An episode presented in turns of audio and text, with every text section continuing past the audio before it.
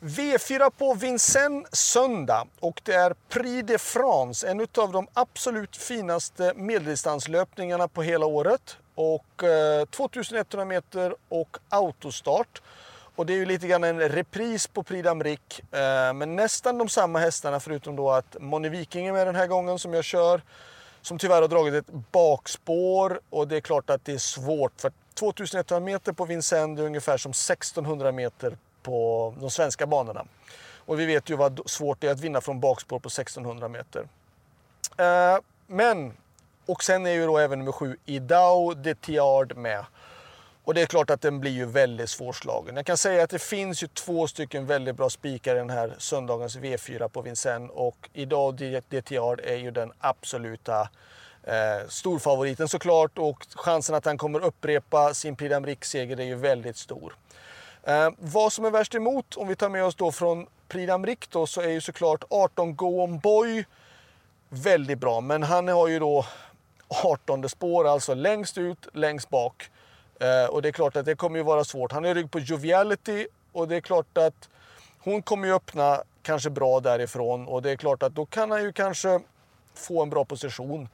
Eh, men normalt sett ska det bli svårt att slå yard till yard. Eh, en som är gynnad av den här distansen annars är ju då nummer fyra Vivid Vice As eller sex Appia Mede SM också. De är väl kan vara intressanta bakom nu om man vill gardera. Joviality som jag körde, hon var ju jätteduktig Prix d'Amérique men att få lägga stort krut därifrån från spår 9 från start mot de andra. Det är klart att Distansen är den rätta, men spåret var ju inte så kul. Men hon var jättefin senast. Men 7 idag de Tiard är ju den stora spikförslaget såklart.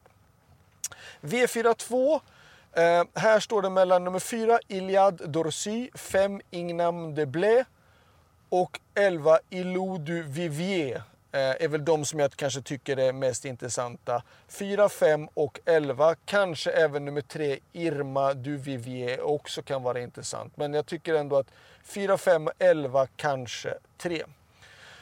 Vi går till nästa avdelning och eh, det här loppet, svårt att tippa skulle jag vilja säga faktiskt. Eh, fem Harry de Choyer, 5 säger vi så, nummer fem och nummer 12 Hym du Gers är de som är mest intressanta i det här loppet, tilläggsloppet. Ehm, även kanske 1, 4, 5, 10, 15. Men framförallt 5 och 12. Sista V4-avdelningen, där är det då nästa stora, stora favorit och antagligen helt oslagbar och det är då nummer 9 Joshua Tri med Jean-Michel Basir. Uh, har svårt att se att han ska förlora. Han är ju Frankrikes nästa stora stjärna. De tror att han kommer vinna Prix d'Amérique nästa år. Eh, det är ju Diar Tiard och Joshua Tri som är de stora snackhästarna såklart där nere. Och man har valt att inte vilja mötas utan har separerat lopp till dem och eh, Joshua Tri ska ju då blomma ut till nästa år säger de.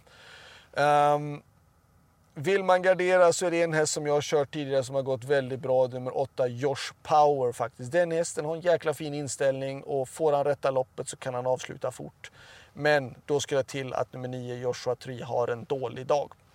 Så det var allt. Lycka till på V4-spelet så hörs vi vidare. Ha en bra helg. Hej då!